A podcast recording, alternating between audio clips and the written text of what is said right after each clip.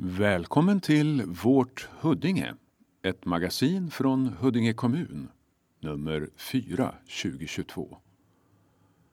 Rubrikerna på första sidan. Fint pris till Fred. Huddingebon får Raoul Wallenberg-priset för sin kamp mot romers rättigheter. Så röstade Huddingeborna. Allt du behöver veta inför gymnasievalet. Så har vi tidningens innehållsförteckning. Sidan 4. Snökaos. Ett snöoväder drog in över Huddinge i november. Sidan 6. En av oss. Joar och hans pappa hänger på öppna förskolan. Sidan 10. Så sparar vi smart när elpriserna skjuter i höjden. Sidan 13. Så funkar det. Många svenskar vill fira en hållbar jul. Tips på klimatsmart mat, gran och paket. Sidan 16. Styrkelyft på schemat. Dags för val till gymnasiet för alla elever i årskurs 9. Sidan 24. Fotoutställning på Föllersta gård skildrar västra London på 1970-talet.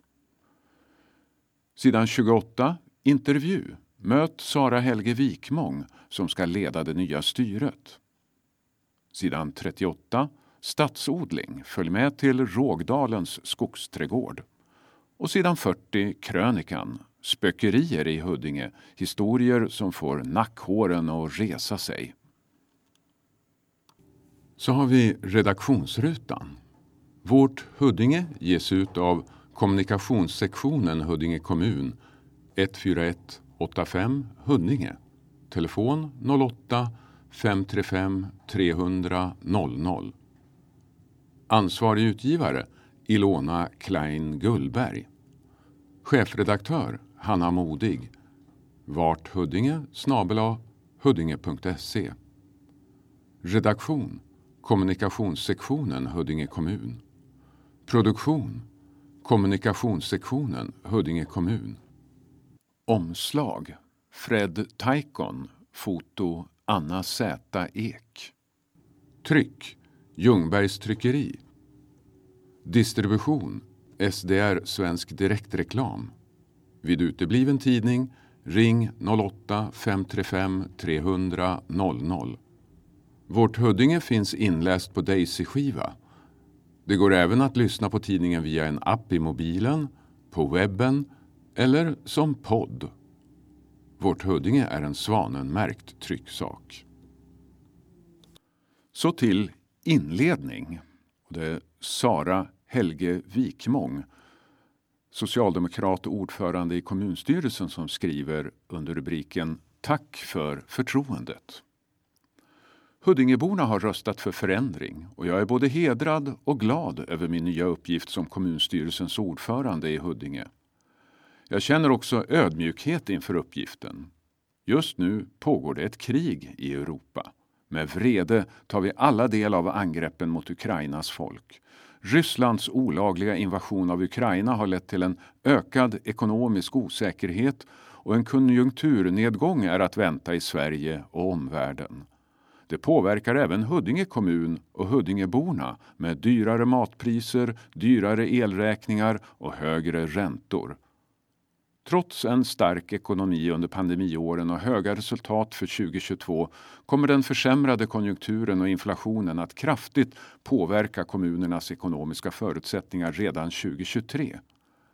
Ingen vet med säkerhet när krigets fasor är över, men en sak är säker.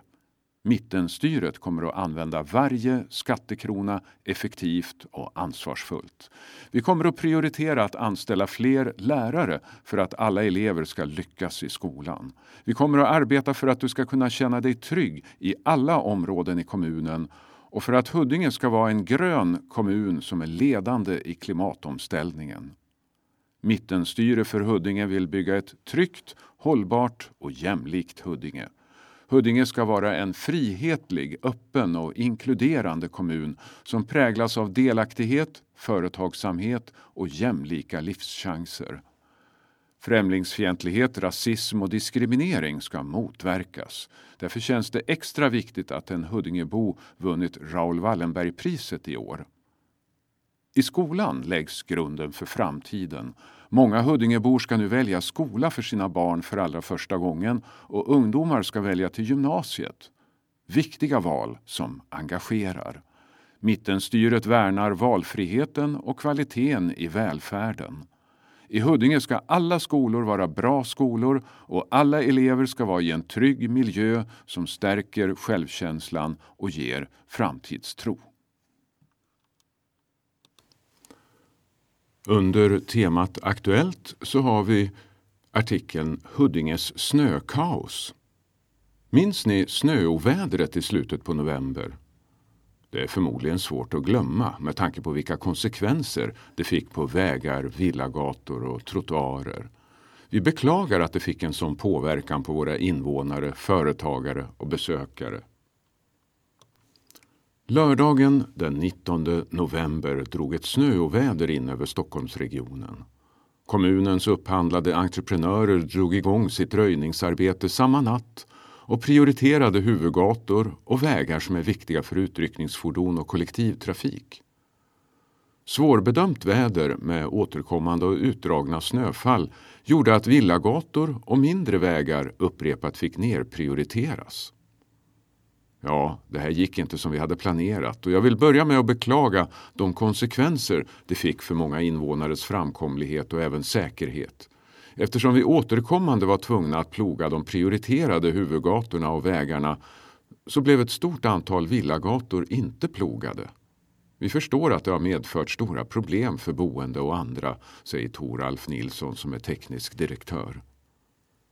En stor utmaning var att snön var blöt och därmed tung, vilket i kombination med den stora mängden snö gjorde det svårarbetat.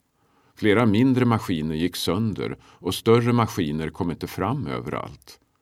En annan utmaning har varit att det inte funnits någon plats i närheten att lägga de enorma snömängder som kommit. Men Toralf Nilsson menar att även där hade arbetet kunnat gjorts på ett annat sätt.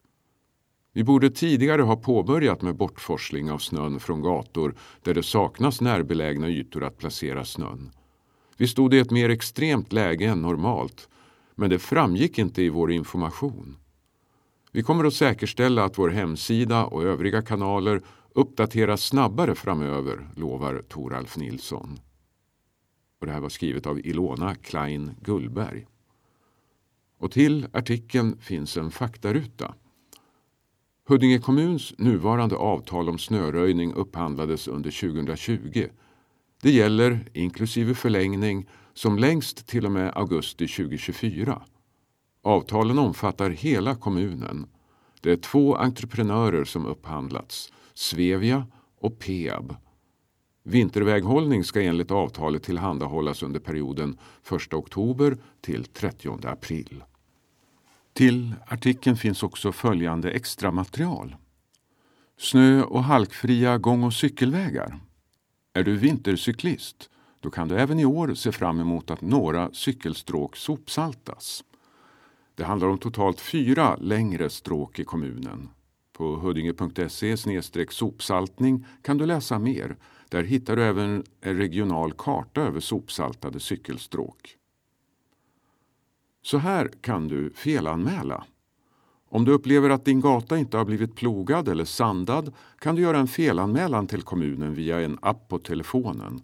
Du kan också felanmäla på huddinge.se felanmalan. Felanmälningarna hanterar vi efter att alla vägar ska vara åtgärdade. Sand finns att hämta för privatpersoner. Runt om i kommunen finns flera sandlådor utplacerade där du som privatperson kan hämta sand för eget bruk. Ta inte mer än du behöver så räcker sanden till många. Läs mer på huddinge.se sand.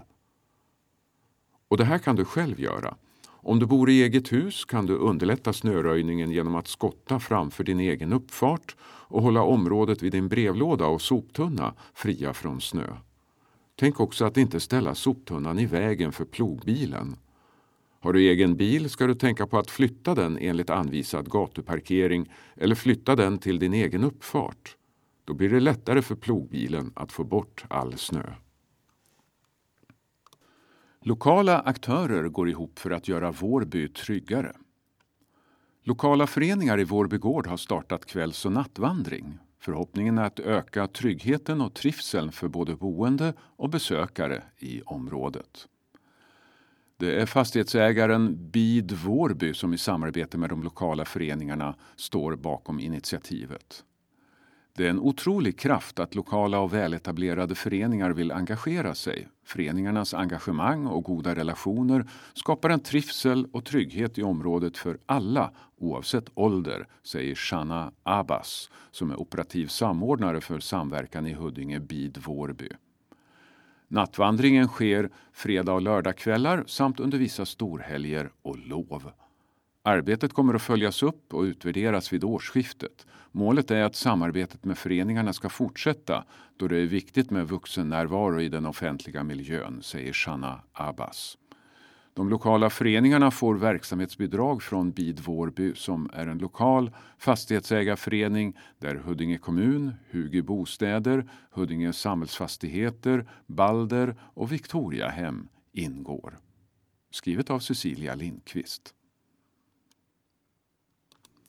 Under temat En av oss har vi artikeln Joar träffar nya kompisar på öppna förskolan.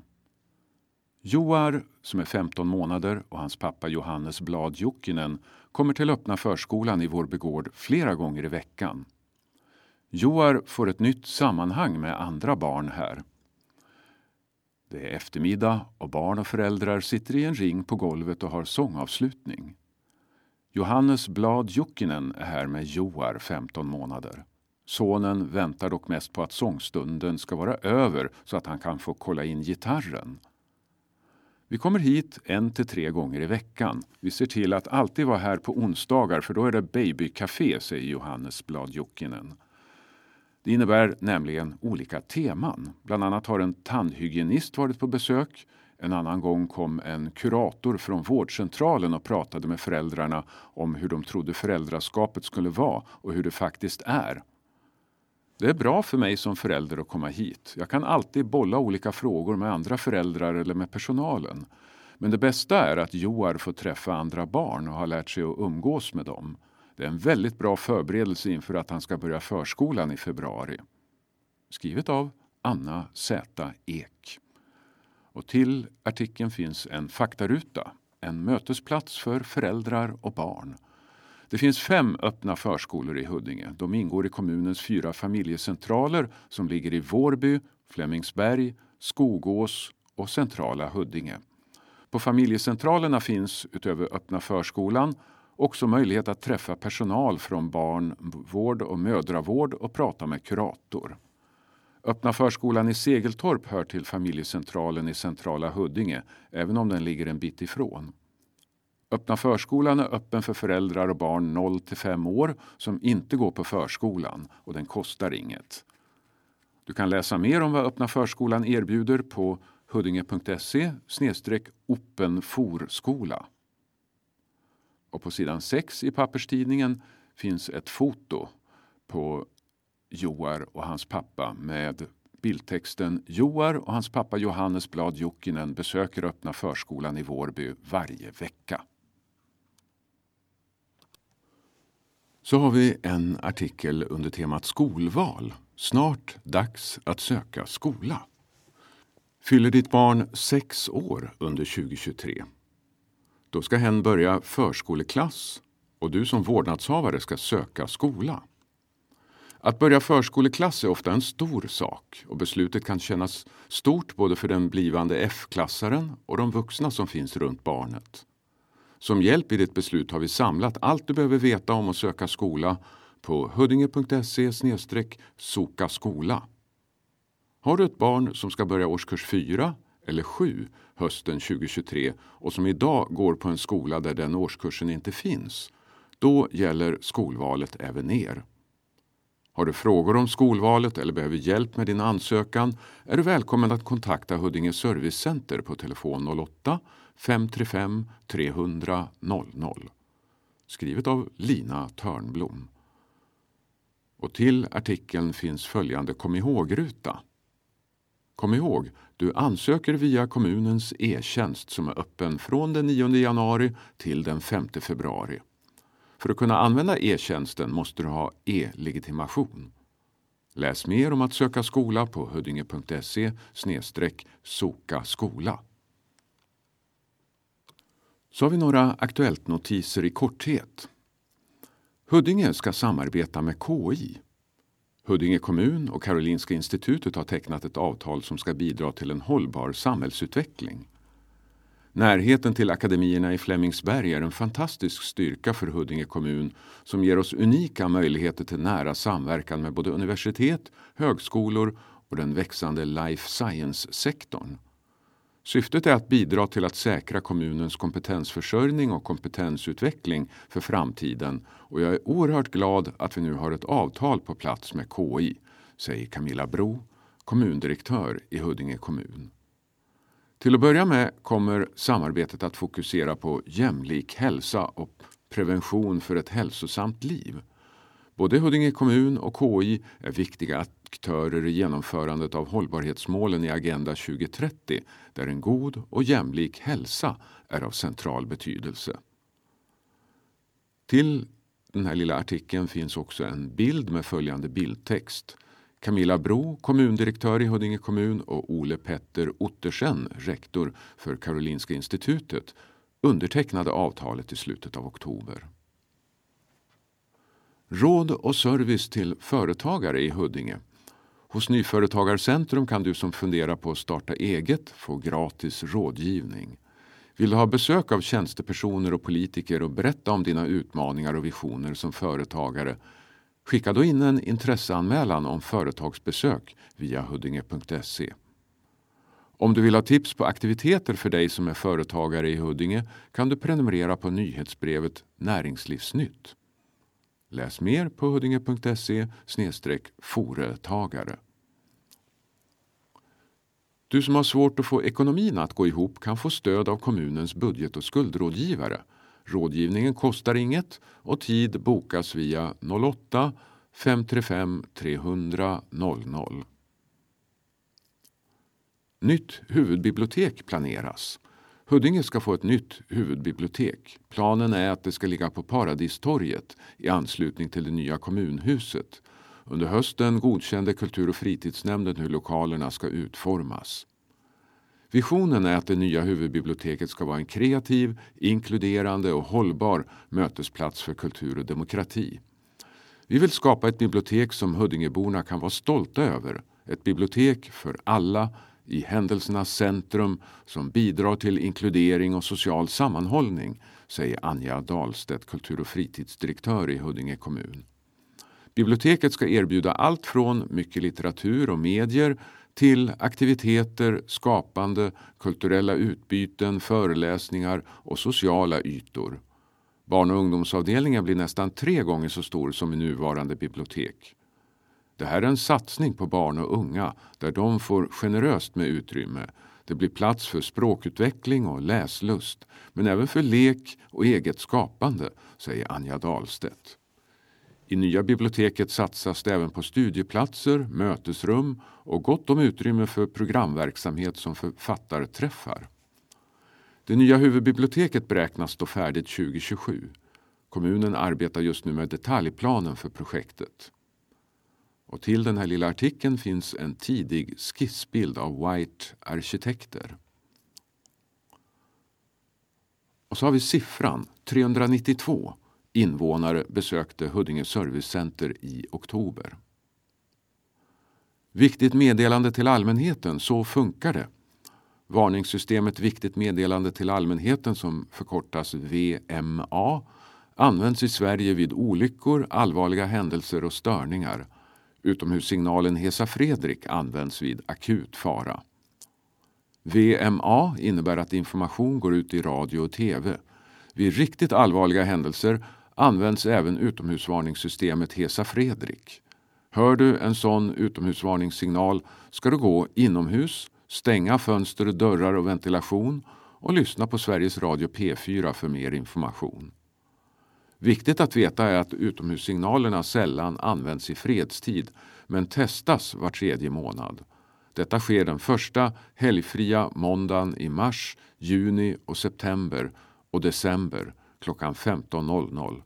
Testet görs för att kontrollera att tutorna fungerar och för att de personer som hanterar systemet ska få öva.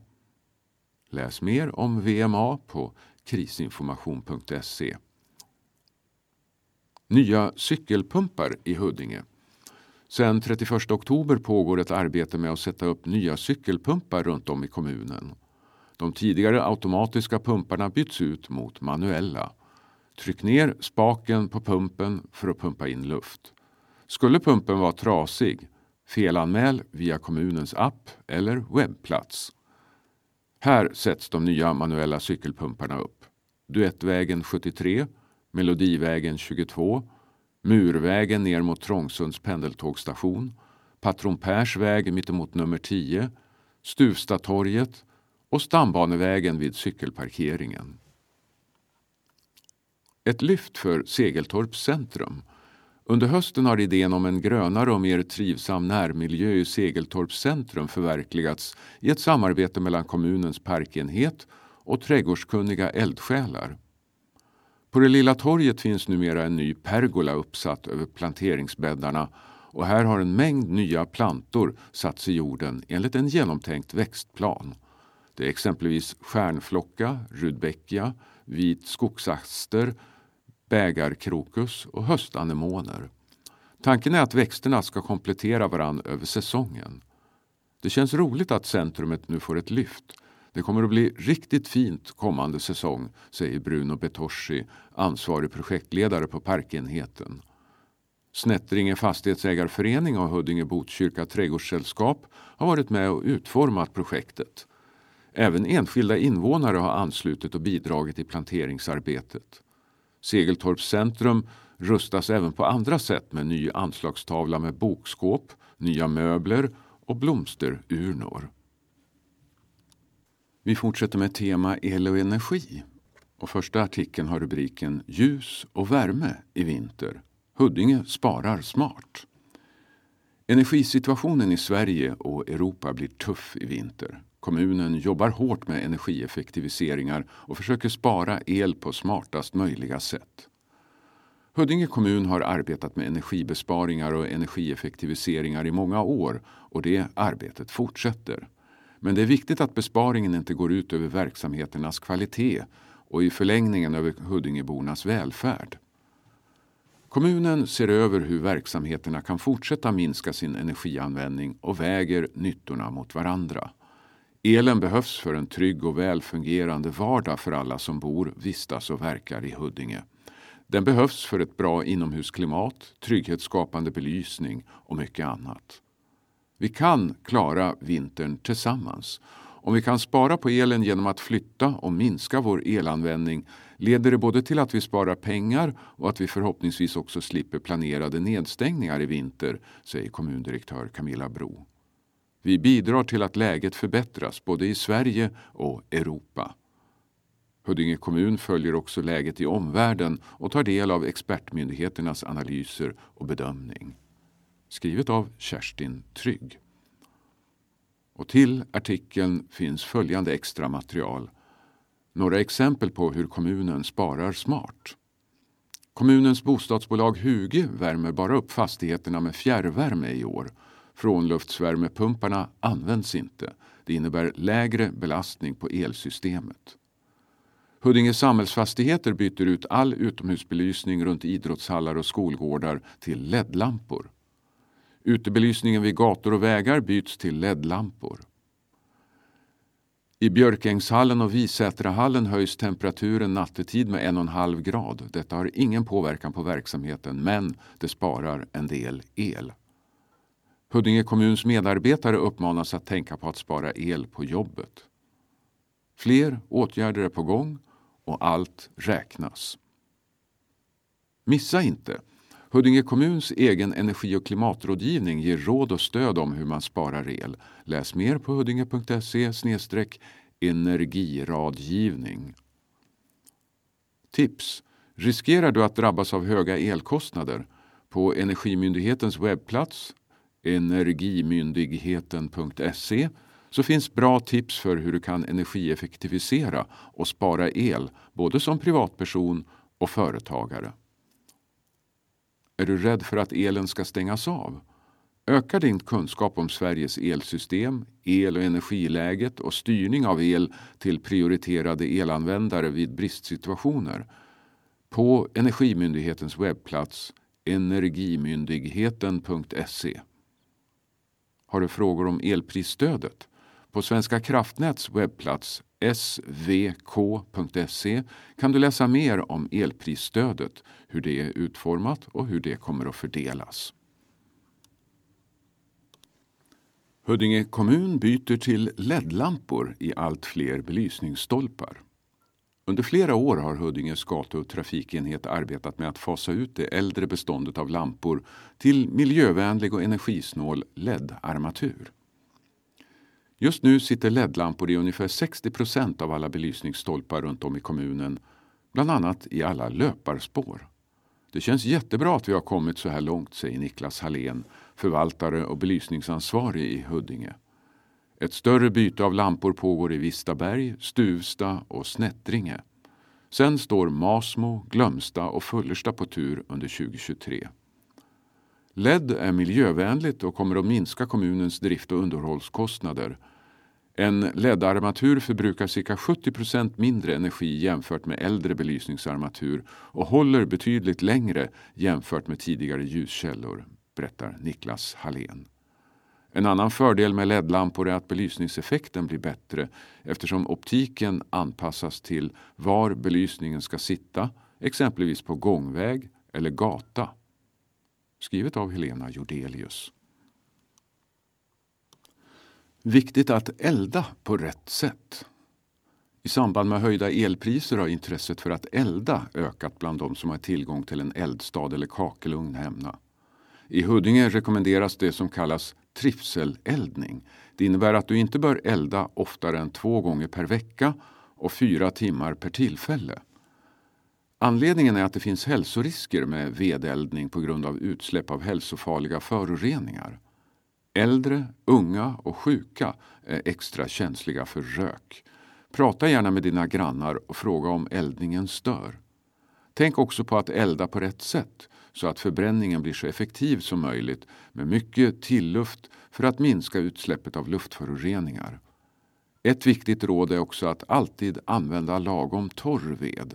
Se till att snabbt få fyr och att aldrig elda med målat eller impregnerat virke. Att elda avfall är ett miljöbrott. Läs mer om vad som gäller på huddinge.se vedeldning. Under temat Så funkar det så har vi artikeln Så firar du en hållbar jul. Nästan varannan svensk vill fira en hållbar jul enligt en undersökning från Kantar Public och WWF. Är du en av dessa men vet inte i vilken ände du ska börja? Här kommer några tips från kommunens miljöstrateger. 1. Granen. Julgranen är väl kanske det som symboliserar julen allra mest. Står du inför ett köp av gran är plastgran det sämsta alternativet. Har du däremot redan en på vinden och tycker det är praktiskt så kan du återanvända den. Söker du en naturlig gran är en vanlig rödgran, Pikea abies, som växt i en närliggande skog det bästa alternativet. Vill du hugga en själv måste du stämma av med markägaren att det är tillåtet. Näst bäst är en svenskodlad gran. Fråga om den är miljömärkt och var den kommer ifrån. Miljömärkt och närodlad är bäst ur miljö och klimatsynpunkt. Kungsgran, alltså Abies nordmania, är generellt ett sämre alternativ än rödgranen om den inte är miljömärkt. 2. Maten. Ett miljö och klimatsmart julbord innehåller många ekologiska råvaror och är färgglatt. Försök att få in många växtbaserade rätter, till exempel en grönkålssallad.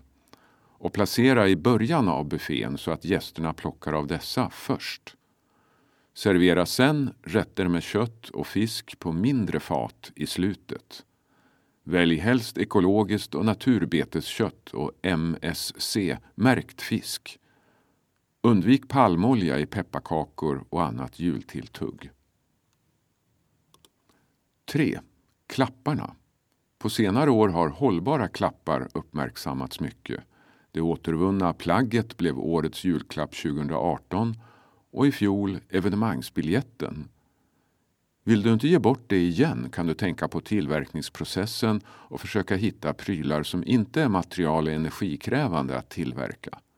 Kanske ett sällskapsspel, en bok eller en ljudbok. Eller en prenumeration på en tidning. Eller varför inte en korg med närproducerade och ekologiska delikatesser? 4. Skräpet. När julen är över står du där med en hel del skräp att ta hand om. Det är viktigt att du inte slänger granen på allmän plats.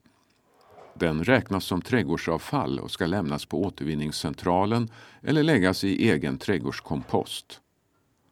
Glöm inte att ta bort allt pynt. Presentpapper sorteras som pappersförpackning och ska återvinnas. Presentsnöre räknas som restavfall och kan slängas i de vanliga hushållssoporna.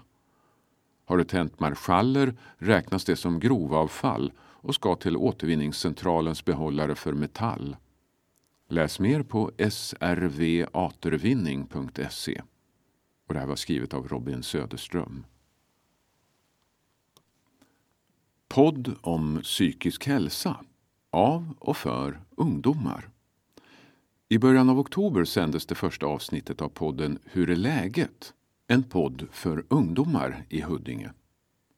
Psykisk ohälsa är ett superviktigt ämne att prata om, säger Arthur Blank, en av ungdomarna som håller i podden. Podden Hur är läget? är en del av kommunens förebyggande hälsoarbete och görs av Arthur Blank och Adel Usakova Dahlberg som är 19 och 17 år gamla. Podden gästas av elever i Huddinge men även av andra gäster, unga som äldre. Det här är en podd av ungdomar för ungdomar. Vi vill att den ska kännas lättsam samtidigt som den även har djupare samtal, säger Arthur Blank. Hittills har det bara kommit positiv respons på podden som görs på Sågbäcksgymnasiet med hjälp av pengar från de statliga medel som Huddinge kommun fördelar inom ramen för det pågående regeringsuppdraget Uppdrag psykisk hälsa. Vi berör tunga ämnen men även lättare vardagsproblem som alla är med om någon gång. Inget är för litet att prata om, säger Adel Usakova Dahlberg. Båda två tycker att det är viktigt att prata om psykisk hälsa. Ju mer man pratar, desto mer tar man bort tabun. Ingen av dem hade poddat tidigare men tycker inte att det är nervöst att hålla i samtalen. Vi tycker bara att det känns viktigt och det ger mycket att lyssna på andra som delar med sig av sitt liv, säger Adel Usakova Dahlberg. Vill du gästa podden och dela med dig av din historia om psykisk hälsa? Hör av dig till Instagramkontot Hur är läget? Och det skrev Hanna Modig. Och så finns det en fotnot till artikeln som lyder Podden har ett Instagramkonto som lyder så här. Snabela Hur är laget? Till artikeln finns en bild med följande bildtext. Artur Blank och Adel Usakova Dahlberg som poddar Hur är läget? Vi fortsätter med tema hälsa för seniorer och har artikeln Pepp och inspiration ska få seniorer att ändra livsstil och må bättre. Är du över 65 år och vill få stöd i att leva mer hälsosamt? Då kan du vända dig till Huddinges nya hälsopedagog Ellika Mattsson Österlund som coachar äldre för en bättre hälsa. Vi alla vet hur svårt det kan vara att komma igång med en förändring, säger Elika Mattsson Österlund, hälsopedagog, som tillsammans med kollegor inom äldreomsorgen arbetar förebyggande för att förbättra äldres hälsa. Som hälsopedagog kan hon hjälpa till med stöttande samtal där hon utgår från individens egna förutsättningar och hjälper personen att plocka fram motivationen.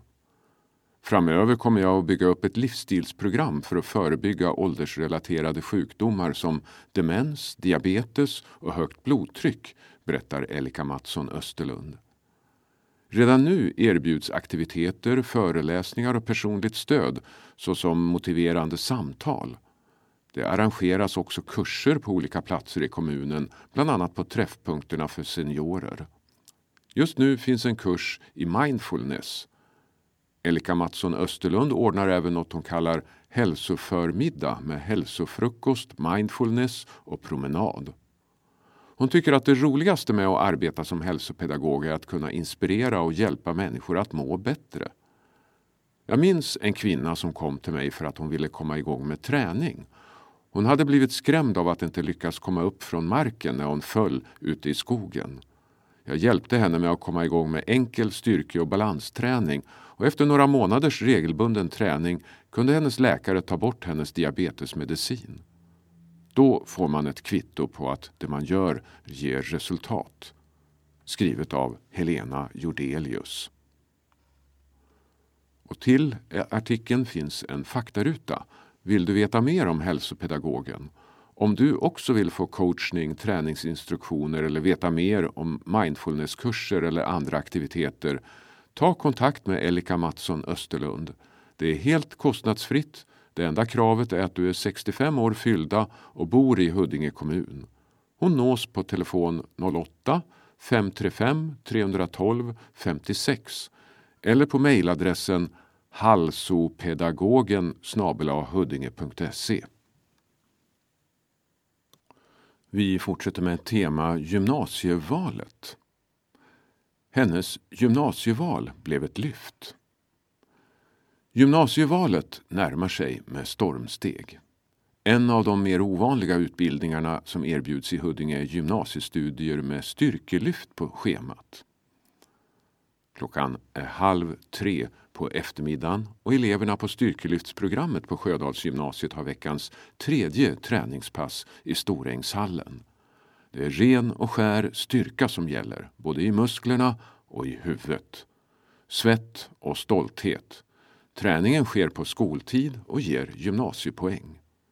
Det bästa med att träna styrkelyft är att man känner sig stark. Man känner också så tydligt att man blir starkare, säger Tyra Hermander, en av de fyra eleverna som kom in på utbildningen i styrkelyft när platserna släpptes i våras. Under träningen lyfter hon 80 kilo i marklyft.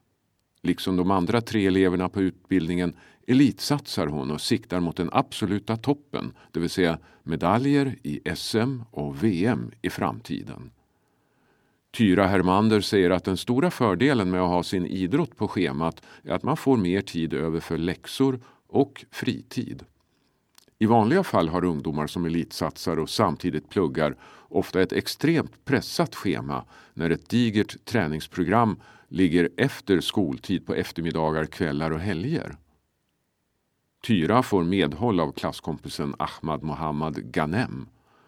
Man slipper slösa tid på att resa till och från träningen, säger han i en paus efter att metodiskt ha lyft 100 kilo i bänkpress 13 gånger. I flera timmar pågår dagens träning. Mellanmålet står och väntar på eleverna vid kanten när de behöver ta en paus för att ladda mellan omgångarna.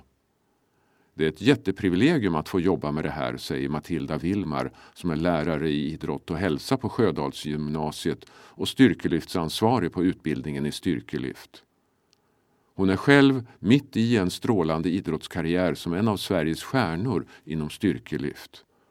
Hon är medlem i landslaget med världsrekord i bänkpress och många medaljer.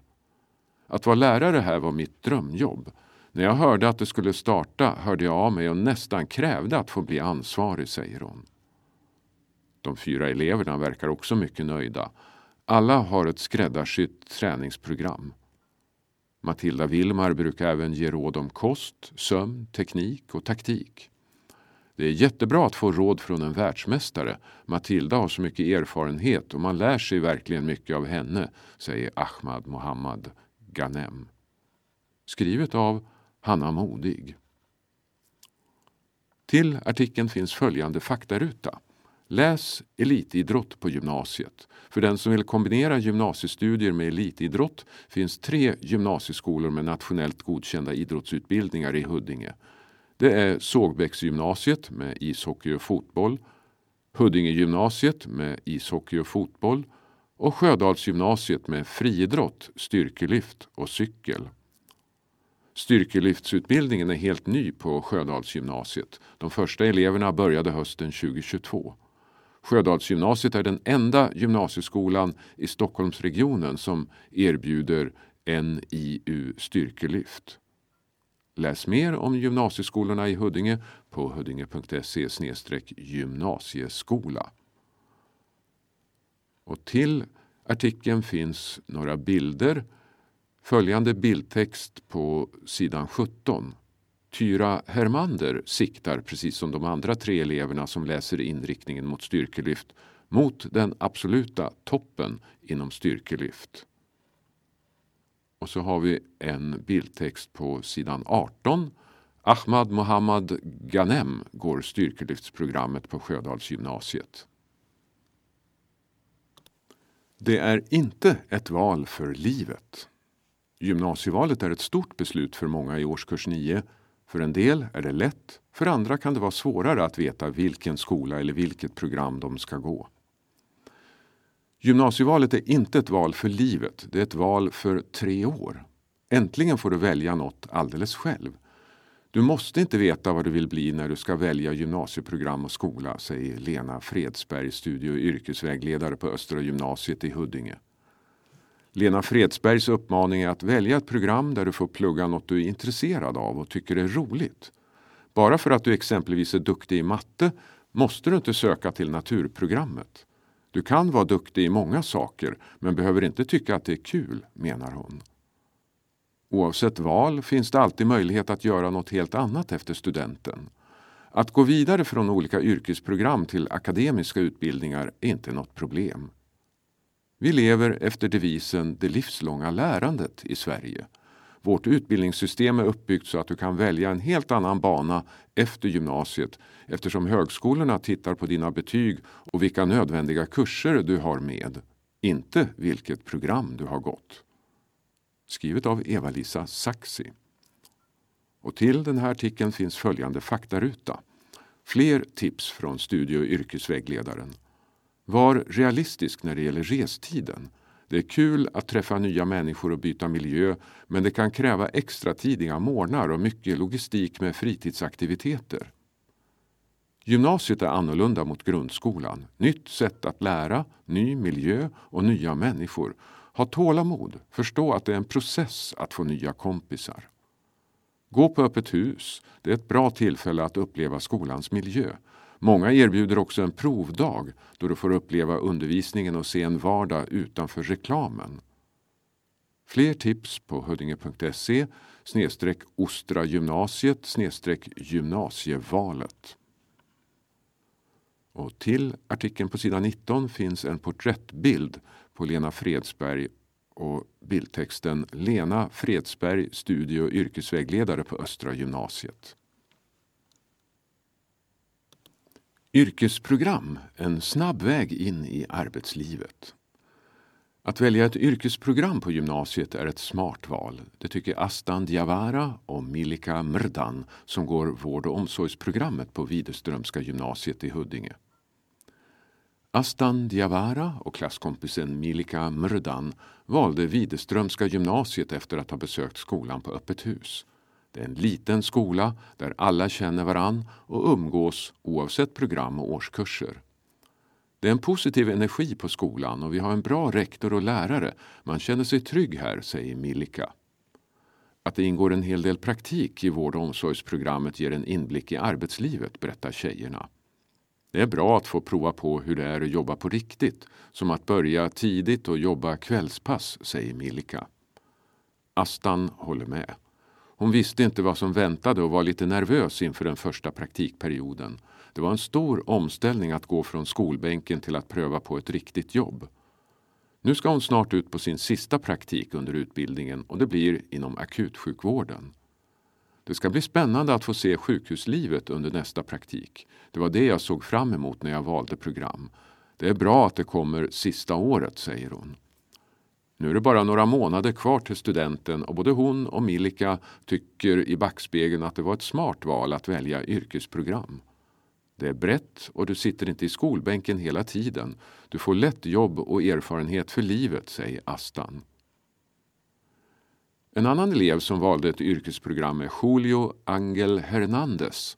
För honom var det intresset för att arbeta med trä som gjorde att valet föll på Sågbäcksgymnasiets byggprogram. Dessutom ville han inte gå i en skola nära hemmet eller den gamla grundskolan i Södertäljetrakten. Utbildningen är suverän. Lärarna har ett bra bemötande och vill gärna att vi klarar alla krav och ämnen.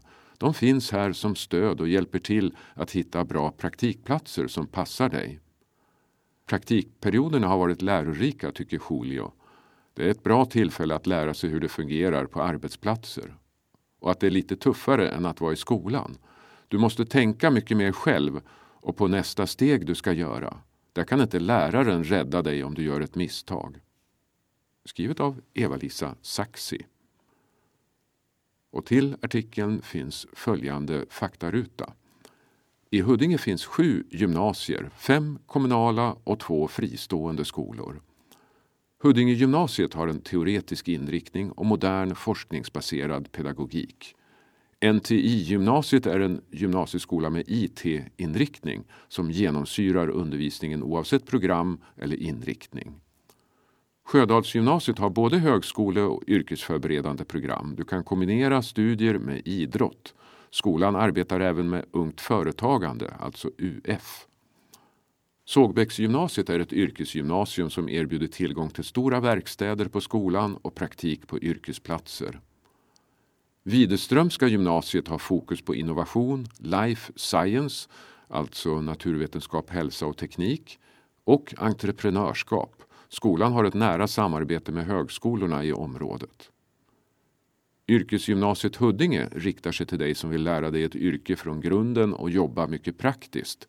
Minst halva utbildningstiden är du på en arbetsplats med en erfaren handledare. Östra gymnasiet erbjuder klassisk undervisning och har som mål att hjälpa alla elever till bästa möjliga resultat. Och du kan läsa mer om de här skolorna på huddinge.se gymnasieskolor. Så finns en tipsruta med följande text. Tips till dig som går i nian. Tänk noga igenom vad du vill göra. Be folk berätta om erfarenheter inom det yrke som du är nyfiken på. Gör research på nätet och på sociala medier. Gå på öppet hus och kolla hur skolan du är nyfiken på är. Stressa inte. Det är svårt att veta vad man vill göra resten av livet när man är 15-16 år. Du kan byta program om du ångrar dig och du kan plugga vidare till något annat. Tipsen kommer från gymnasieeleverna Julio Angel Hernandez, Milika Mrdan och Astan Diawara. Och till artikeln finns bilder med följande bildtexter. Bildtext på sidan 20 Astan Diawara och Milika Mrdan går vård och omsorgsprogrammet på Widerströmska gymnasiet. Bildtext på sidan 22. Julio Angel Hernandez går på Sågbäcksgymnasiets byggprogram. Så fortsätter vi med andra artiklar. Villa i skogen tar priset. Årets vinnare av Huddinges byggnadspris 2022 är Skogsvillan i Gladelisma, ett minimalistiskt trähus i Huddingeskogarna. Det långsmala trähuset i skogen skymtas mellan trästammarna. Här har en fastighetsägare med egna händer byggt sitt drömhus, Skogsvillan. Huset har placerats med stor respekt till naturen och anpassats till den omgivande skogen. I motiveringen står det bland annat här finns ett harmoniskt samspel med skogens färgskala och de resliga tallarna. Huset är gestaltat med gedigna material med fasad i granträ och tak i kärnfuru som skapar en tydlig dialog till naturen. Det svenska träet står i fin kontrast mot detaljer i kortenstål. Mellan 2 september och 2 oktober röstade Huddingeborna fram vinnaren av Huddinges byggnadspris. Totalt kom det in 1357 röster och av dem gick 540 röster till Skogsvillan. Byggnadspriset är ett sätt att uppmärksamma estetiskt genomarbetade byggnader och fysiska miljöer i Huddinge, gärna med hållbarhet som tema. De nominerade utses av politiker i kommunstyrelsens samhällsbyggnadsutskott. Vinnaren får ett diplom och en plakett av Huddingekonstnären Håkan Bull. Priset delades ut vid kommunfullmäktiges sammanträde i december 2022. Skrivet av Eva-Lisa Saxi. Och till artikeln finns en bild på huset med följande bildtext. Snyggt byggt, tyckte Huddingeborna. Vi fortsätter med tema kultur. Ofiltrerad vardagsrealism. En av Storbritanniens mest bortsedda och samtidigt hyllade fotografer, Charlie Phillips, har sin första utställning i Sverige. Utställningen visas på Fullersta gård till den 12 mars 2023.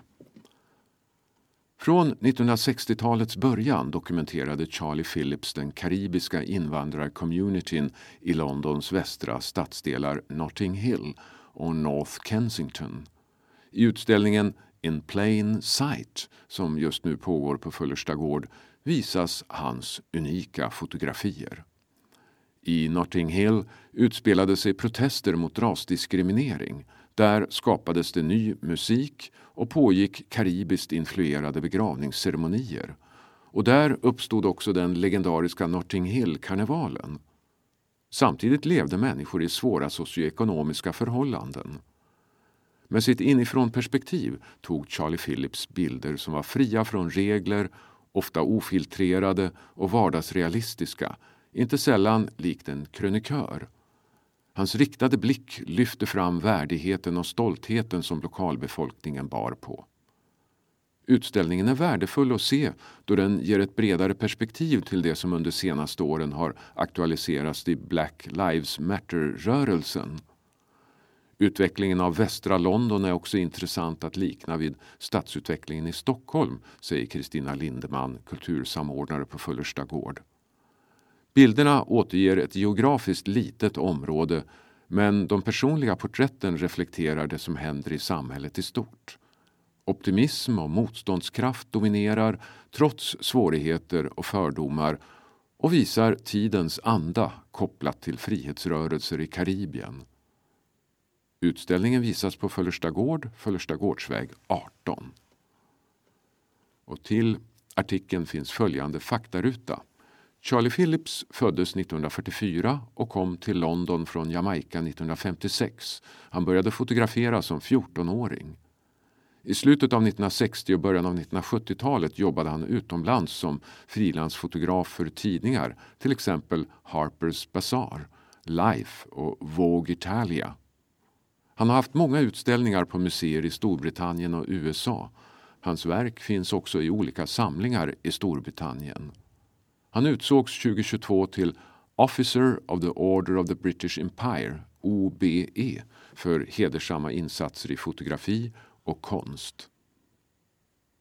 Fotnot. Mer information och öppettider finns på Fullersta Gårds webbplats fullerstagard.se.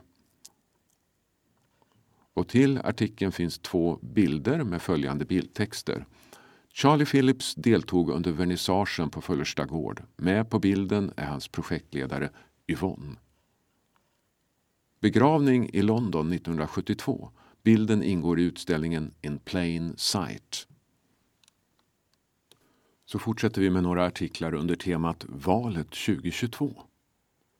Valet 2022, så gick det. Den 11 september gick svenska folket till valurnorna. I Huddinge blev resultatet annorlunda jämfört med förra valet. Se mandatfördelningen i rutan alldeles strax.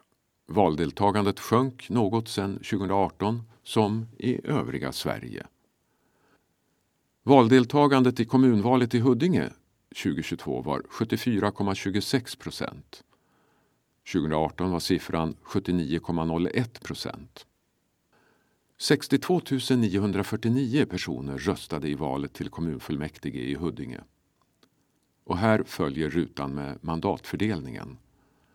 Parti Socialdemokraterna. Mandat 2022 18 plus 2. 2018 var det alltså 16. Moderaterna 13 minus 2. 2018 hade de 15. Sverigedemokraterna åtta mandat plus ett. Förra valet var det sju.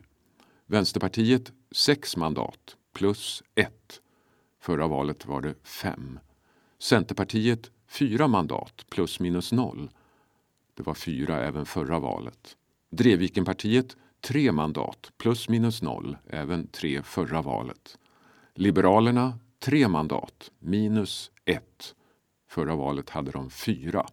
Miljöpartiet två mandat minus ett. Förra valet hade de tre mandat. Kristdemokraterna två mandat plus minus noll. De hade två även förra valet. Och Huddingepartiet två mandat plus minus noll. De hade två även förra valet. Välkommen till kommunfullmäktige. Alla är välkomna att lyssna när kommunfullmäktige har sina möten i sessionssalen i Huddinge kommunalhus, Kommunalvägen 28. Du kan också lyssna via webbsändning. Nästa möte är 6 februari 2023 klockan 17.00. Läs mer på huddinge.se kf. Här är Huddinges nya styre. Huddinge kommun kommer att ledas av en ny konstellation de kommande fyra åren. Det nya styret består av Socialdemokraterna, Centerpartiet, Miljöpartiet och Huddingepartiet. Efter valet i september pågick förhandlingar mellan olika partier som fått röster i Huddinge. Det slutade med att Socialdemokraterna, Centerpartiet, Miljöpartiet och Huddingepartiet bildade ett nytt styre som kallar sig Mittenstyre för Huddinge. Styret har en valteknisk samverkan med Vänsterpartiet. Tidigare mandatperiod leddes Huddinge av en koalition bestående av Moderaterna, Liberalerna, Centerpartiet, Drevvikenpartiet, Kristdemokraterna och Huddingepartiet. Sara Helge Wikmång, som är socialdemokrat, leder det nya styret. Det nya och handlingskraftiga mittenstyret ska ta itu med de utmaningar som finns i Huddinge. Jag ser fram emot att leda detta samarbete för ett tryggt, hållbart och jämlikt Huddinge, säger hon. Enligt det nya styrets politiska plattform ska Huddinge vara en frihetlig, öppen och inkluderande kommun som präglas av delaktighet, företagsamhet och jämlika livschanser. Främlingsfientlighet, rasism och diskriminering ska motverkas. Människor som kommer till Huddinge måste ges verktyg för att kunna jobba, bli aktiva samhällsmedborgare och bygga sin egen framtid.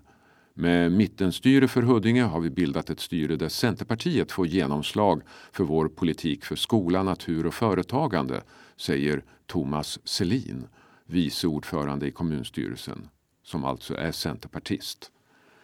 Det nya styret berättade tidigare i höstas att man vill stärka Huddinges skolor, satsa på fler lärare och öka tryggheten i alla områden.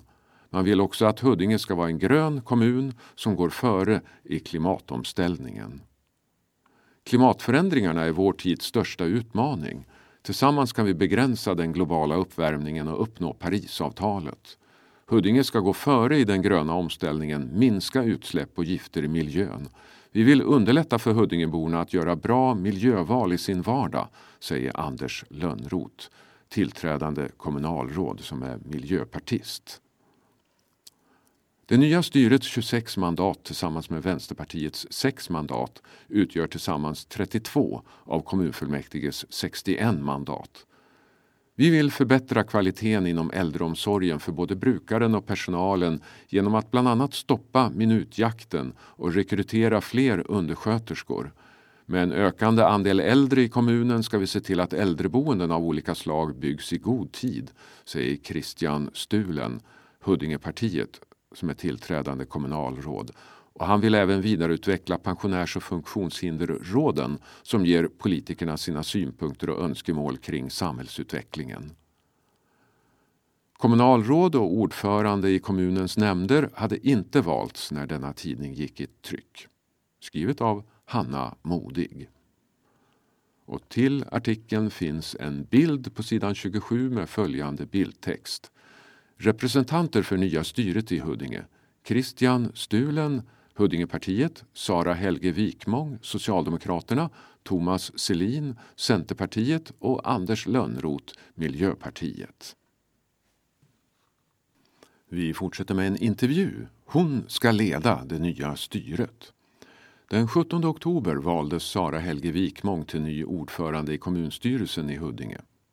Jag känner mig otroligt glad och stolt över att få det här uppdraget, säger hon.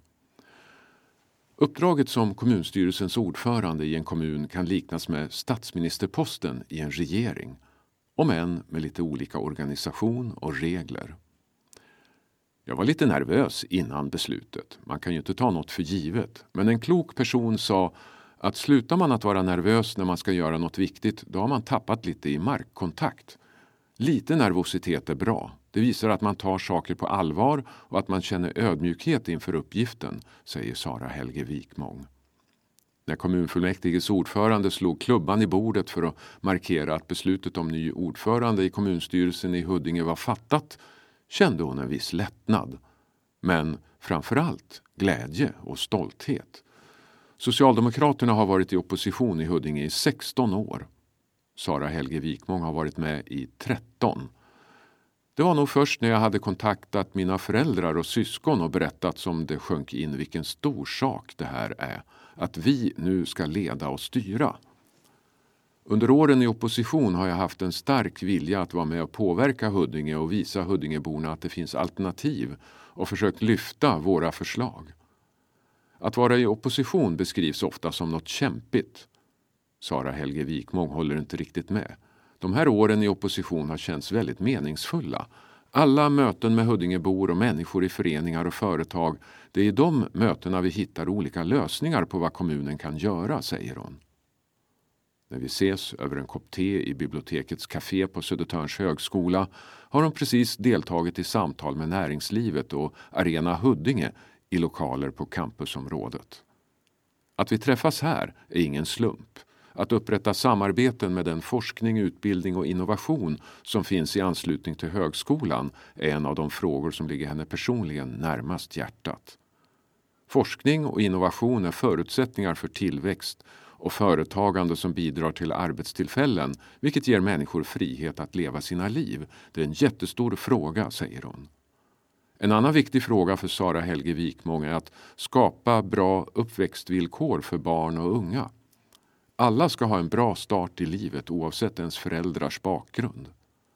Det var där, i jämlikhetsfrågorna, som hennes politiska engagemang väcktes under tonåren i uppväxtstaden Norrköping. Där började hon sin politiska bana i SSU, alltså Socialdemokraternas ungdomsförbund. Jag såg att mina klasskompisar inte hade samma förutsättningar mitt politiska engagemang handlar mycket om att vara med och påverka för att bidra till ett mer jämlikt samhälle där alla får en bra start. Just möjligheten att vara med och påverka tycker hon är bland det roligaste med att vara politiker. Jag tycker också att det är väldigt roligt att lära mig nya saker och fördjupa mig i olika samhällsfrågor. Men det bästa med att vara politiker är nog mötet med alla människor. Skrivet av Hanna Modig. Och till artikeln finns en faktaruta, mer om Sara Helge Wikmång. Hon har varit kommunpolitiker i Huddinge sedan 2009. Åren 2009 till 2014 var hon gruppledare för Socialdemokraterna i gymnasienämnden och nämndens andre vice ordförande. Efter valet 2014 blev hon kommunalråd i opposition och är sedan september 2016 gruppledare för Socialdemokraterna i Huddinge. Hon var förbundssekreterare för Socialdemokraternas ungdomsförbund SSU 2003 till 2005 och har även varit engagerad i andra socialdemokratiska förbund. Arbetarnas bildningsförbund och Unga Örnar. Till artikeln finns en bildtext till bilden på sidan 28 den 17 oktober valdes Sara Helge Wikmång till ny ordförande i kommunstyrelsen efter 13 år som oppositionspolitiker. Och så finns extra material till artikeln på sidan 31.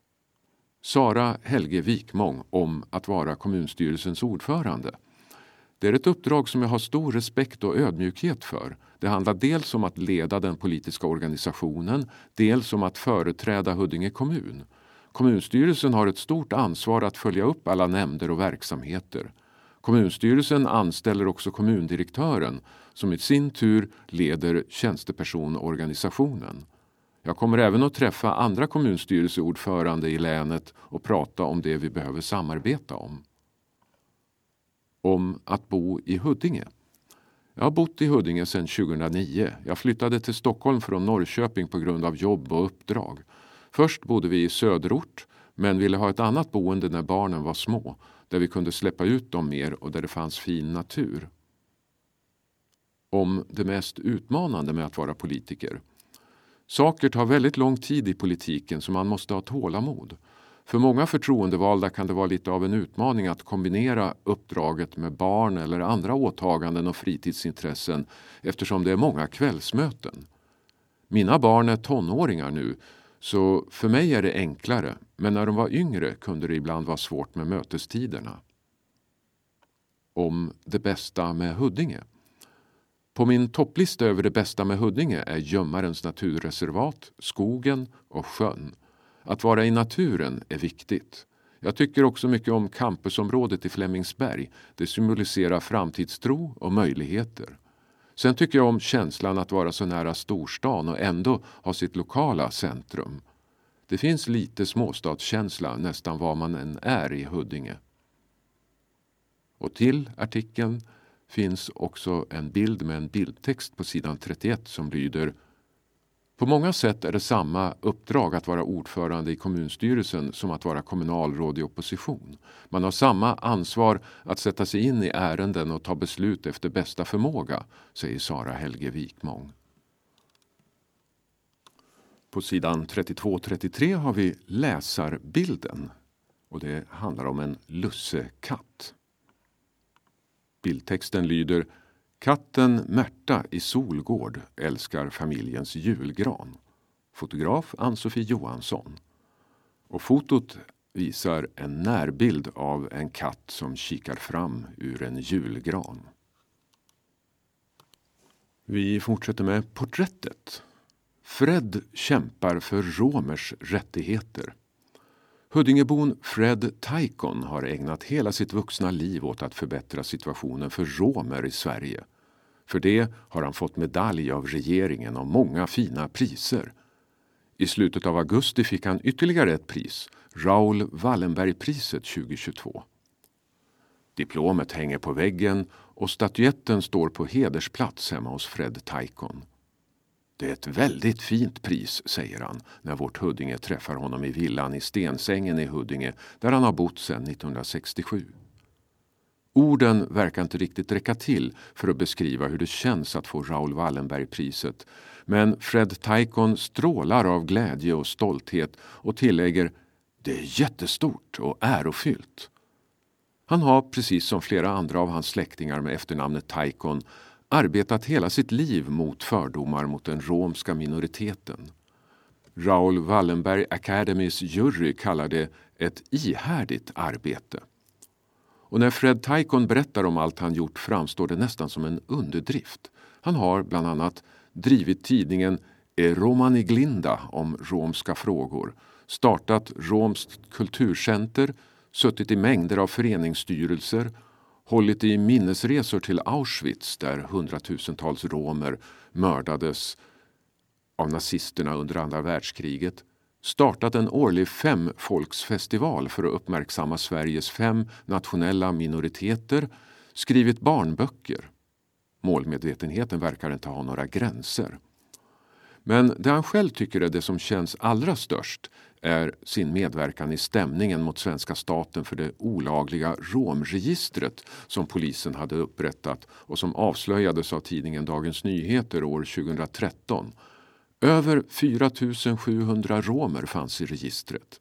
Hela min kärnfamilj var med. Det var ett etniskt register, inte ett brottsregister, säger Fred Taikon till synes stillsamt. Men under den lugna ytan anas en helig vrede. Till och med barn fanns med i registret. Det blev till slut en fällande dom i tingsrätten som fastställdes i hovrätten och det största sammanlagda skadeståndet någonsin betalades ut. Glädjen som jag kände när beskedet kom att vi hade vunnit, det är det största, säger han. Och då har Fred Taikon ändå varit med om många milstolpar under sitt liv. När han föddes 1945 fanns knappt några rättigheter för romer i Sverige. Bara sådana saker som möjligheten till fast bostad och rätten att gå i skolan har kommit under hans livstid. När jag var liten blev jag utsatt för mobbning i skolan bara för att jag var rom, säger han. Några milstolpar han nämner är när dåvarande Västtyskland 1982 erkände att romerna var en del av Förintelsen. När riksdagen 1999 beslutade att Sverige skulle ansluta sig till Europarådets ramkonvention om skydd för nationella minoriteter och när minoritetslagen trädde i kraft 2010. Parallellt med milstolparna har den öppna diskrimineringen långsamt minskat. I alla fall för män som inte bär romska kläder, säger Fred Taikon. Men fördomarna gör sig fortfarande påminda, inte minst mot romer från andra länder. Romska kvinnor är mer synliga på grund av sina kläder och blir mer utsatta. Något som Fred Taikon saknar i Sverige är fler minnesmärken över romska platser och fler informationsskyltar. Tidigare har han tagit initiativ till de informationsskyltar som Stockholms stad för några år sedan satte upp på fyra ställen i Stockholm där romer en gång bodde. Vid Flaten, Ekstubben, Hammarbytäppan och i Tanto. Fred Taikon växte förresten själv upp i Tanto. Men han tycker att det borde finnas fler informationsskyltar där romer bott och verkat under åren. Det finns en stor okunnighet om den romska minoriteten i majoritetsbefolkningen, säger han. Och det här skrev Hanna Modig. Och till artikeln finns följande faktarutor. Först om motiveringen till Raoul Wallenberg-priset. Fred Taikon tilldelas Raoul Wallenberg-priset 2022 för hans ihärdiga arbete för romers rättigheter. Likt Raoul Wallenberg har han använt mod, kreativitet och handlingskraft för att stå upp för en grupp som under lång tid varit utsatt för förtryck. Diskrimineringen av romer har pågått i flera hundra år och även om rättigheterna för den romska gruppen i Sverige har förbättrats är det fortfarande vanligt att hålla sin romska identitet dold. Fred Taikon bär sin romska identitet med stolthet och genom sitt engagemang banar han vägen för att även andra romer, unga som vuxna, ska göra detsamma. Och så fakta om de fem nationella minoriteterna i Sverige. Det finns fem nationella minoriteter i Sverige. Romer, judar, samer, sverigefinländare och tornedalingar.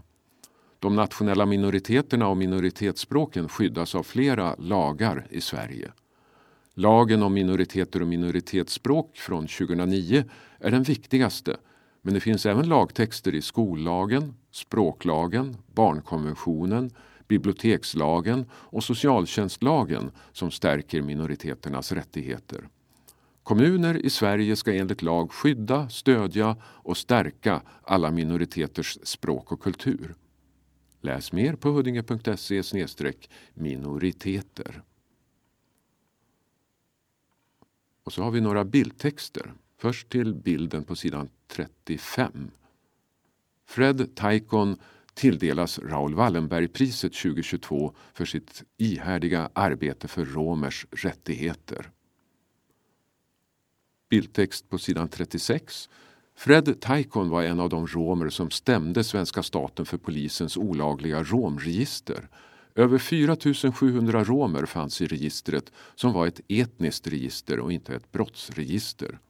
Till slut fick de upprättelse. Och bildtext på sidan 37. Diplomet för Raoul Wallenberg-priset hänger i hallen hemma hos Fred Taikon i villan i Stensängen. Vi fortsätter med en artikel under temat Mitt kvarter. Skogsträdgårdsodling och permakultur, ett sätt att leva. Rågdalens skogsträdgård började som en gerillaodling. Idag är det en ideell förening och en plats dit man kommer för inspiration och för att skörda ätbara växter. Rågdalens skogsträdgårdsodling ligger i Rågsveds naturreservat, precis på gränsen mellan Stockholm och Huddinge. Den ideella föreningen Rågdalens skogsträdgårdsodling och permakultur startade 2013 men redan 2009 började Margareta Stuguland och Christian Odberger att plantera träd i det som skulle bli själva skogsträdgården. Det startade som en grillaodling av ätbara växter men så småningom blev fler och fler intresserade. Människor sökte sig hit och många bidrog med donationer som vi använde för att plantera fler träd och växter, berättar Margareta Stuguland. Rågdalens skogsträdgård är ett öppet område dit folk kan komma och gå efter intresse och är fria att skörda det som växer där. Föreningen ordnar öppna träffar och har ett odlingssamarbete med Innovita-skolan. Enklast kan permakultur beskrivas som en designmetod för att skapa hållbara livsmiljöer. Socialt, kulturellt, ekonomiskt och ekologiskt. Ett hållbart habitat för arten Homo sapiens helt enkelt. Man utgår från att mycket av det man behöver finns i närområdet. Hållbarhet handlar primärt inte om ny teknik utan att skapa små hållbara kretslopp kring allt i ditt liv, säger Christian Odberger. Det handlar om att skapa en plats, att designa en hållbar miljö och en hållbar livsstil. Något som Margareta Stuguland och Christian Odberger även har lyckats skapa i sitt eget liv och i sin alldeles vanliga villaträdgård på 800 kvadrat. Där finns en liten damm, en utedusch och en smart minijordkällare och allt som växer i trädgården, och det är mycket, är ätbart. Tranbär, salvia, minikiwi, spenatväxter, björnbär, tomater och jordärtskockor. För oss handlar det också om att minska stressen i livet. Förr var jag alltid rädd att missa något om jag sa nej. Men nu vet jag att jag fokuserar bättre och mår bättre om jag inte övermöblerar mitt liv, säger Christian Odberger. Christian menar att arbete är den del av designen som inte löser sig själv. God design av trädgården, av energiflödet, av vår livsstil gör att allt flyter på med minsta möjliga ansträngning. Det är bara om designen är mindre genomtänkt som vi själva måste lägga energi, fysisk eller mental, på att lösa utmaningarna i vardagen, säger han. Skrivet av Kerstin Trygg. Till artikeln finns följande faktaruta. Föreningen Rågdalens skogsträdgård fick årets pris för ideella insatser i Huddinge kommun. Här följer ur juryns motivering. Föreningen Rågdalens skogsträdgård har genom åren gjort en gedigen insats för att lära människor, både vuxna och barn, hur man odlar på ett smart och hållbart sätt. Trädgården, som upplevs som en magisk plats, är viktig både för barn och vuxna som deltar i Naturskolan. Där får de på ett lätt och roligt sätt lära sig om natur och ätbara växter. Slutcitat.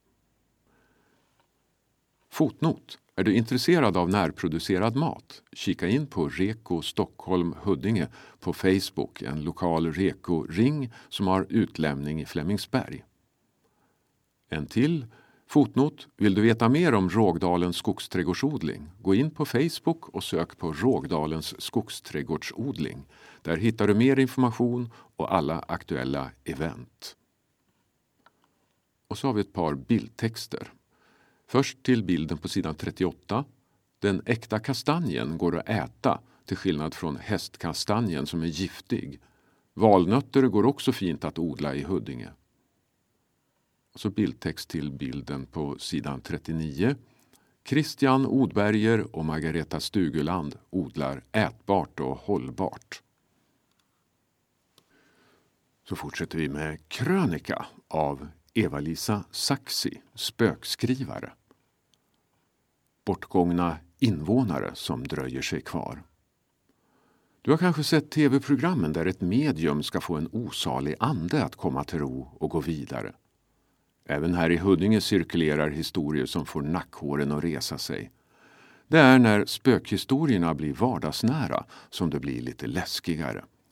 Ett exempel är 70-talsvillan i Segeltorp där olika ägare har vittnat om obehagliga upplevelser. En av dem handlar om en kvinna som tar ett bad en sen kväll när hon är ensam hemma.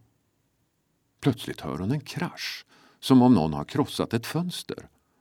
Efter det hördes steg upp för trappan som stannar utanför den stängda badrumsdörren. När hon till slut vågar öppna badrumsdörren finns det inte några spår av objudna gäster. Allt är som vanligt. Att betydligt äldre hus än 70-talsvillor har en förvirrad själ som vill hålla ordning eller är sur för en oförrätt är inte lika otippat. Och vad är väl ett slott, en herrgård eller ett gammalt hus utan sitt spöke? På Balingstadgårds marker finns det en enskild begravningsplats på en kulle nära Orlångens strand. Graven är markerad med ett järnkors och där vilar Anna-Charlotta av Selén som var gift med landshövdingen Johan Lycko av Selén. När hon blev änka var hon ensam ägare till Balingsta säteri fram till sin död 1844. Balingsta gård var platsen i hennes hjärta och där ville hon stanna för evigt. Därför hade landshövdingskan, som hon kallades, sett ut en gravplats vid stranden. Där begravdes hon också, men tyvärr först två år efter sin död. Innan begravningen blev av stod hennes kista i det bungemörnerska gravkoret i Huddinge kyrka ända fram till 1846 och att det var det som gjorde att det uppstod en sägen om att Charlotta efter sin död sågs vandra från Orlångens strand upp till Ekbacken vid Balingsta skola med en lykta och sucka tungt för att hon inte fick vila där hon ville. Spöken eller ej, en kyrkogård kan vara nog så kuslig en mörk kväll. Här hamnar ju trots allt de flesta som lämnat jordelivet. Om det känns som att du blir iakttagen när du går över Tomtberga kyrkogård kanske det faktiskt är så. En riktigt skrämmande historia handlar om mannen som genade över kyrkogården på väg hem en vinterkväll. Plötsligt står en man med ålderdomliga kläder framför honom. Det finns inga fotspår i snön och han ser att benen slutar vid knäna. Mannen med de ålderdomliga kläderna säger Du ska inte vara här. Under hösten stod det klart att Huddinge kommun kom upp i 114 456 invånare. På riktigt eller inte, men det kan vara så att Huddinge har fler invånare. Några kanske bara inte syns. Fotnot. Historierna om 70-talsvillan och Tomtberga kyrkogård finns med i böckerna Hemsökt och Spöklikt av Petter Inedal. Bildtext till bilden på sidan 41. Om det känns som att du blir iakttagen när du går över Tomtberga kyrkogård kanske det faktiskt är så. Vi fortsätter med På gång. Här tipsar vi om arrangemang i Huddinge. För utförligare information och för ännu fler aktivitetstips se huddinge.se pa-gang Evenemangstips anmäls direkt på huddinge.se pa-gang eller skickas till Huddinge Servicecenter 14185 Huddinge. Drop in på Konstverkstan, kreativt skapande för barn och unga. Kom och skapa på Fullersta Gårds kreativa mötesplats för barn och unga. Det är gratis att delta. Datum onsdagar klockan 15 till 16.30 för barn 8 till 12 år. Torsdagar 15.30 till 17 för barn 10 till 14 år och lördagar klockan 12 till 16 för alla åldrar. Plats Fullersta gård. Mer information finns på fullerstagard.se. Animationsverkstad. Vi animerar tillsammans. Kom och testa olika slags filmtekniker som till exempel stop motion. För barn och unga mellan 6 och 15 år. Ingen föranmälan krävs i samarbete med Kulturskolan. Datum tisdagar 30 augusti till och med 20 december klockan 14 till 16. Plats Vårby bibliotek med barnkonsten, Vårby allé 26 till 30 och det är gratis. Hjälp med IT, teknisk handledning. Få hjälp med tekniska frågor kring din smarta telefon, surfplatta eller dator. Plats Flemingsbergs bibliotek, Flemingsbergs centrum, Röntgenvägen 7. Det är gratis och ingen föranmälan krävs. Mer information finns på bibliotek.huddinge.se. Öppen konstverkstad i Vårby. Kom och skapa. Kom och skapa i ateljén tillsammans med våra konstpedagoger. För alla barn i skolålder, välkommen. Datum Arrangemanget fortsätter vårterminen 2023. Håll utkik efter de tider och dagar som gäller på bibliotek.huddinge.se. Plats Vårby bibliotek med barnkonsten, Vårby allé 26-30. Konstutställning i Skogås. Blandade verk visas i Mariakyrkan. Konstföreningen Bellis visar en blandning av motiv och material. Datum 27 november till 21 december. Måndag klockan 9 till 16, tisdag 9 till 13, onsdag torsdag 9 till 18, fredag 9 till 14 och söndag 10 till 14. Men inte under gudstjänsten mellan 11 och 12. Plats Mariakyrkan i Skogås, Skogåstorget 10 i Skogås. Jullov 2022 Tips på kul aktiviteter för barn, unga och hela familjen under skollovet hittar du på huddinge.se lov. Så sparar du energi i villan. Seminarium med energifokus. Med kunskap finns pengar, tid och energi att spara. Välkommen till ett seminarium där vi sätter fokus på energin. Vi pratar om hur du kan spara el och energieffektivisera hemma om värmepumpar, tilläggsisolering och direktverkande el. Du har även möjlighet att ställa frågor. Seminariet hålls av kommunens klimat och energirådgivning och vänder sig till dig som bor i småhus. Evenemanget är en del av Bibliotek Huddinges satsning Gröna biblioteket med fokus på klimat, hållbarhet och cirkulär ekonomi. Datum Onsdag 18 januari klockan 18 19 på Segeltorps bibliotek, Häradsvägen 252. Datum måndag 23 januari klockan 15 16 på Skogås bibliotek.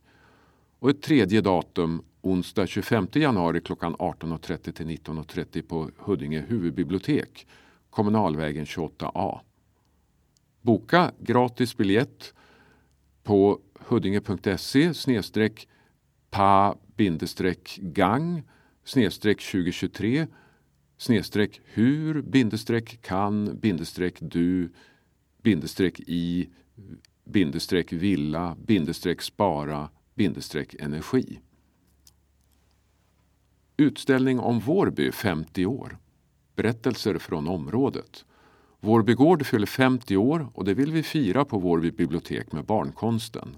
Under året har vi samlat in gamla och nya berättelser från området till en utställning. Ta del av en mosaik av röster från Vårby förr och nu i form av intervjuer, dikter, teckningar, foton, handarbeten och konst. Utställningen visas under bibliotekets öppettider fram till den 4 februari 2023. Träna och simma, eller lär dig simma. Kom till Huddingehallen Huddingehallen är platsen för dig som till exempel vill simma, åka vattenrutschbana, gymma eller delta i gruppträningspass. Du som inte har några sjukdomssymptom relaterade till covid-19 är välkommen hit. Behöver du eller någon i din närhet lära dig att simma? Välkommen till vår simskola. Den 5 januari 2023 öppnar bokningen av vårens simskolor. Adress Huddingehallen, Gymnasietorget 2 i Huddinge. Träffa våra djur i Rådsparken. Aktiviteterna är igång även på vintern.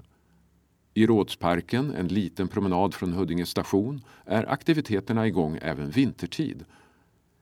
Hälsa på de fina djuren, exempelvis åsnor, getter, får, höns och kaniner. Det är fri entré. Rådsparken har två kolgrillar där du kan grilla din lunch under besöket. Mer information finns på huddinge.se radsparken. Minnesutställning Cecilia Frisendal, en av landets skickligaste grafiker. Litografiska museet uppmärksammar 100-årsminnet av Cecilia Frisendal, en av landets skickligaste grafiker i en minnesutställning. Datum 13 november till 15 januari. Öppet tisdag till och med fredag och söndagar klockan 12 till 15. Plats Litografiska museet, Sundbygårdsväg 6 och det är gratis. Välkomna! Åk skridskor i Huddinge. Istider för allmänheten. I Huddinge kommun finns det flera platser där det är gratis och möjligt för dig som privatperson att åka skridskor under vinterhalvåret. Det gäller både inomhus och på isbanor utomhus och det är särskilda tider som gäller. Du behöver vara tillräckligt vinterkallt för att utomhusisen ska hålla. Mer information finns på huddinge.se allmanhetens idrott. Och till artikeln finns två bilder med följande bildtexter. Konstverkstad för barn arrangeras både på Fullersta gård och på biblioteket i Vårby gård. På huddinge.se finns information om var du kan åka skridskor. Stödjande samtal vid relationsproblem och separationer. Hamnar du ofta i gräl med din partner? Ligger du i skilsmässa eller separation och har svårt att komma överens om barnens vårdnad och boende? Hjälp och stöd finns att få via kommunens familjerådgivning. Alla människor kan någon gång i livet få bekymmer i sina relationer. Ändå kan det kännas som ett stort steg att kontakta familjerådgivningen. Många har också svårt att avgöra när det är dags att söka hjälp. Det berättar Pia-Maria Helsing, familjerådgivare i Huddinge kommun. Vårt råd är att inte vänta för länge med att kontakta oss. Ring oss gärna på våra telefontider så kan vi tillsammans avgöra om vi ska boka in en tid, säger hon. De som kontaktar familjerådgivningen behöver ofta hjälp med att kommunicera med varann. I samtalen får de hjälp att sätta ord på det som kan vara svårt att prata om på tu man hand. Båda kan komma till tals och båda blir lyssnade på. Det kan hjälpa att både förstå sig själv och den andre bättre. Ibland handlar samtalen om att den ena parten, eller båda, vill separera eller att man har svårt att prata och att samarbeta när man redan gått skilda vägar. I princip kan man prata om det mesta under samtalen men fokus brukar ligga på att hitta någon form av samsyn oavsett om paret vill reparera eller avsluta kärleksrelationen, berättar Pia-Maria Helsing. Vid samtal om separation med barn inblandade kan det vara aktuellt med hjälp att hitta gemensamma samarbetsformer kring vårdnad, boende och umgänge utifrån barnens bästa. Samtalen är frivilliga och det är sträng sekretess och inga journaler förs. Skrivet av Emily Berg Eriksson. Fotnot Läs mer på huddinge.se familjeradgivning. Behöver du komma i kontakt med oss? Då är Servicecenter vägen in. Genom att ringa, skicka mejl eller göra ett besök på Huddinge Servicecenter får du svar på dina frågor eller hänvisas till rätt person i den stora organisation som är Huddinge kommun. Under förra året besökte 1787 personer Servicecenters kontor medan nära 24 000 skickade mejl och över 137 000 ringde för att få svar på sina frågor. Du når Servicecenter på servicecenter huddinge.se eller telefon 08-535 300 00. Besöksadressen är Patron Persväg 6 vid Huddinge station. Bläddra i digitala Vårt Huddinge var du än är. Vill du kolla i äldre nummer eller läser du hellre tidningen digitalt? På huddinge.se snedstreck vart bindestreck Huddinge bindestreck digitalt finns det digitala arkivet.